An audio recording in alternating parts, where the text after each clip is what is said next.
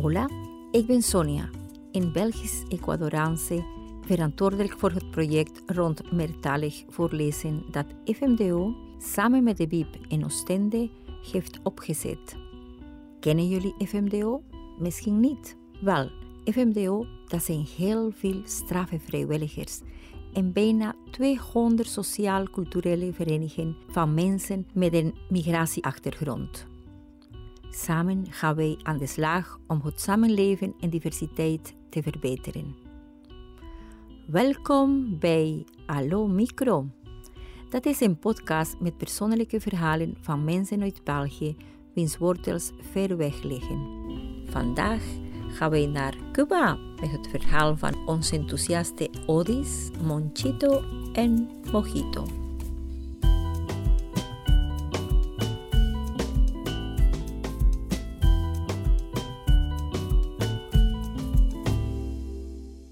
Mijn verhaal neem ik jullie naar 20 jaar geleden. Reken niet de, mijn leeftijd, hè? Toen ik 13 jaar was en ik woonde met mijn moeder in Camagüey, Cuba. Ja? Camagüey is een kleurige, um, koloniaal en oude stad. Het is bekend als La Tierra de los Tinajones, de aarde van de kruiken.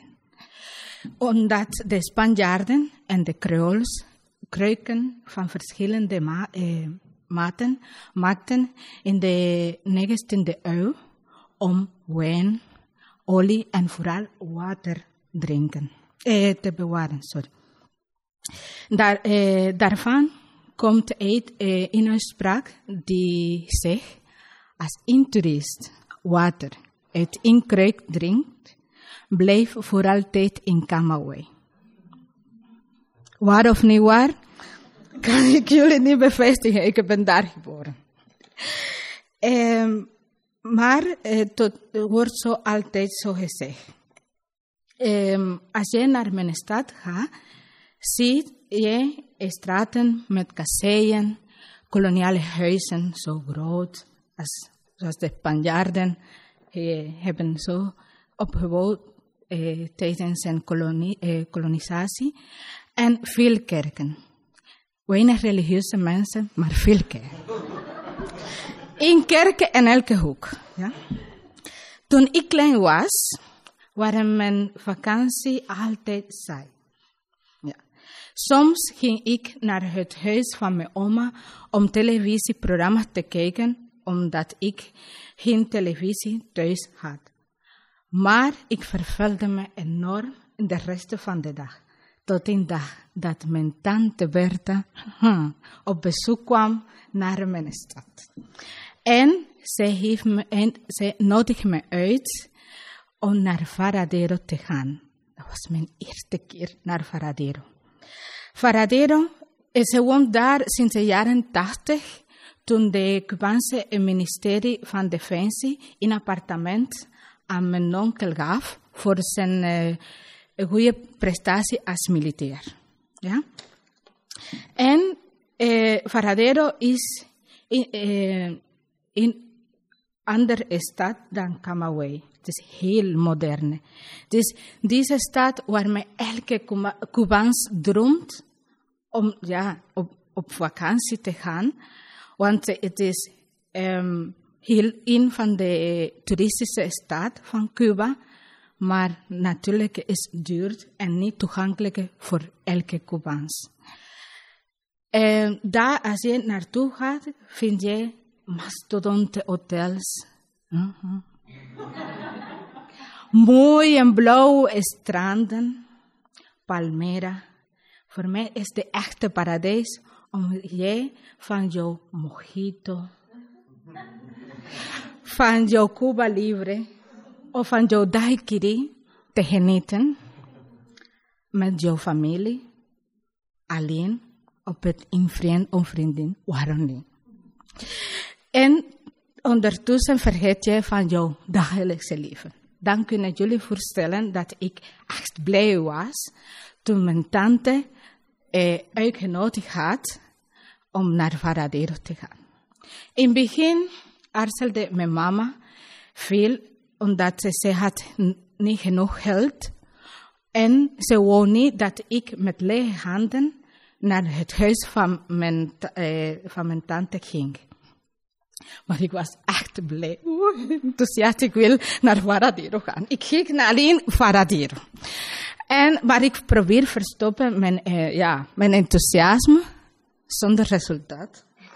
Omdat mijn ogen stralende en ik kon, mijn, uh, ik kon niet mijn glimlach van mijn mond verdwijnen. Eindelijk kreeg ik de toestand van mijn mama, de toestemming van mijn mama, eh, om naartoe te gaan. En wij begonnen eh, om, zijn reis te voorbereiden. Om dat te kunnen doen, we moesten onze monchito verkopen. Maar jullie vragen, wie is monchito nu? Een monchito is een varken. Die wij thuis hadden om te kweken.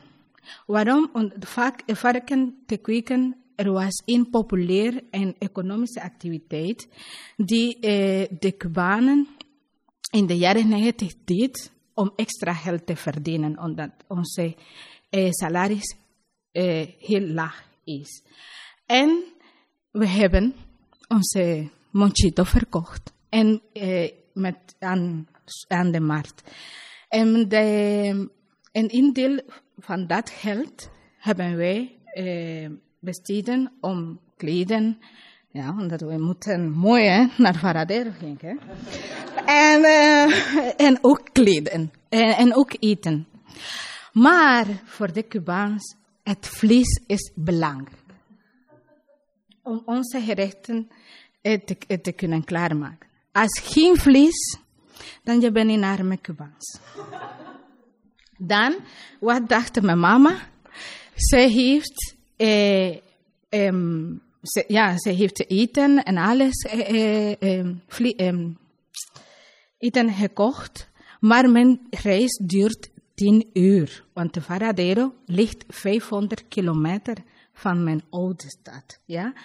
En ze, ze, ze zegt, Odi, we gaan geen stuk vlees kopen. Maar in plaats van een stuk, eh, stuk vlees, we gaan een levende kip kopen.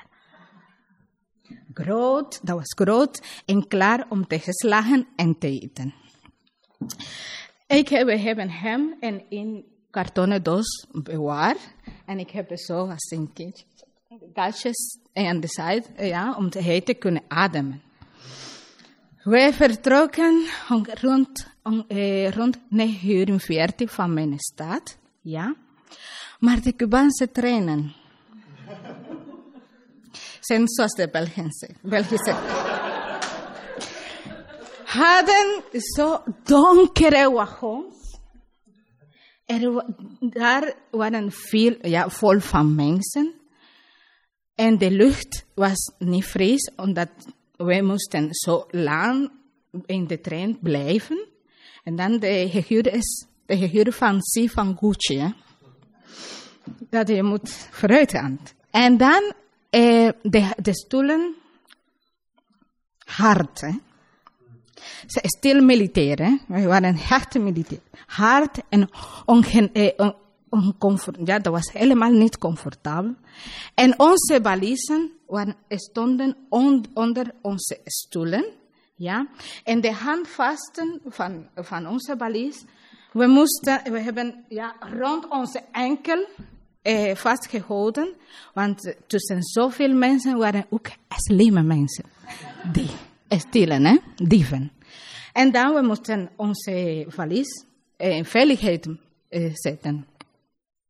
Als je wil slapen, je moet als kat doen. Zo. Met een oog dicht, eh, met een oog dicht en de ander open, want eh, jouw valies zal verdwijnen. En, maar voor mij dat was niet zo belangrijk. Omdat, ja, ik denk alleen Varadero. Varadero. No mijn paradijs. En um, wij stonden en, ja, wij, we zitten on, in onze trein. En onze kippen ook, hè. Toen zijn er zo, ah, zoveel balezen bij. En soms keek ik eh, voorzichtig, hè, de kip. En ze was zo stil. Ze was opgemaakt. Hè? Ze zei, ja, ik ben op, ook op reis. en dan, dat was ook heel, heel, heel rustig. En na twee uur kwamen wij in Ciego de Habla eh, toe. En onze trein bleef 20 minuten, niet alleen daar, maar in elke station. Daarom onze reis zo lang. En, uh, maar uh, toen de trein vertrok, vertrok, kwam de conducteur ja, binnen en onze wagon om alle tickets te controleren. Ja. Maar ik weet niet wat er gebeurt met deze kip. Begon plotseling lawaai te maken. Als die in echte Cubans lawaai te maken, want wij spreken en wij roepen. En dan en natuurlijk toen de, toen de conducteur de lawaai eh, van de kip orde kwam naar ons. Ja, want het was heel evident, hè, die van die de lawaai van onze stoel kwam. En zei, mevrouw, van wie is die kip die zo lawaai maken? En maar mijn tante, het is een zijn mevrouw. Rustige, geduldig. En met zo die manier hij ze heeft antwoorden ja, dat, de kip van ons was. Ja, maar jullie, moeten, jullie weten dat de, eh, eh, geen levende dier mogen meer rijden in de trein. Jullie moeten één oplossing zoeken. En ik was zo beschaamd.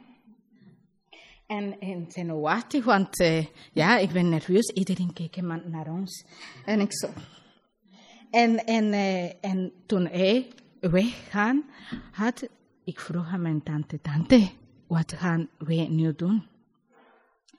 Maar je geen zorgen, Odi. Ik ga één oplossing zoeken voor onze kip.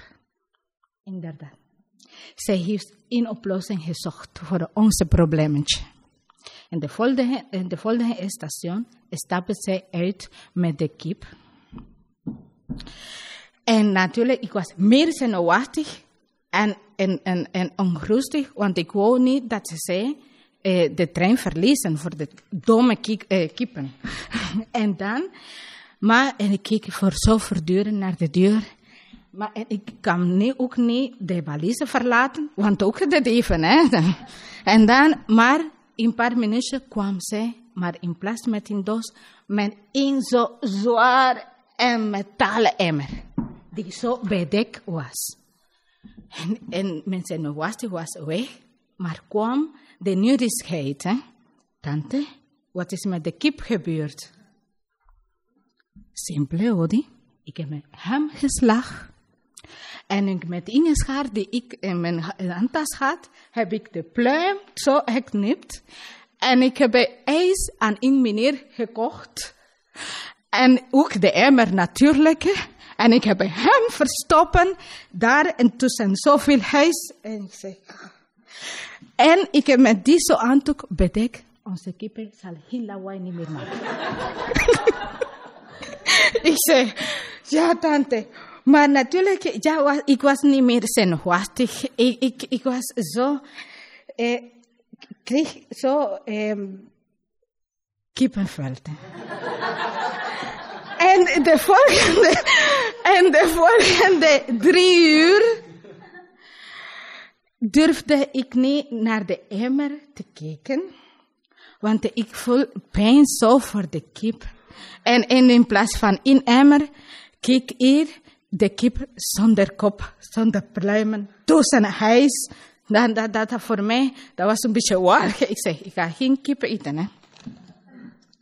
En, maar hoewel, ja, mijn arme tante wil de kip houden, we moesten de kip weggooien en de volgende station. Want de warmte, ja, vergeet niet dat onze trein in Spa is. Hè?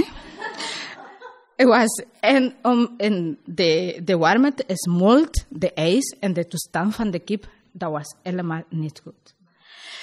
En ja, alhoewel eh, de, eind, eh, de trieste eind van de kip had ik een echt spectaculaire vakantie. ik ben naar deze mastodonte hotel geweest. Ik voel me een echt toerist in Varadero. Ik heb van de mooie blauwe stranden genoten met mijn neven en met mijn familie. Natuurlijk geen mojito, omdat ik minderjarig was. maar het was ook niet nodig, omdat er veel attracties waren. Ik, wat ik heb niet gedaan, is niet meer kippen eten. Zo voor lange tijd heb ik geen kip niet meer gegeten. Want als ik een kip zag, herinneren onmiddellijk naar de inspanningen moment die ik heb meegemaakt in de trein. En ik zei nee, dat is die kip, nee. Maar ja, tegenwoordig eet ik hier kip af en toe. Denk ik niet aan de kip dan. dan eh, maar wat meer zo gelukkig maakt, is dat als ik naar mijn land terugkom, land ik in Varadero. En voor mij betekent dat ik zal een fantastische vakantie hebben.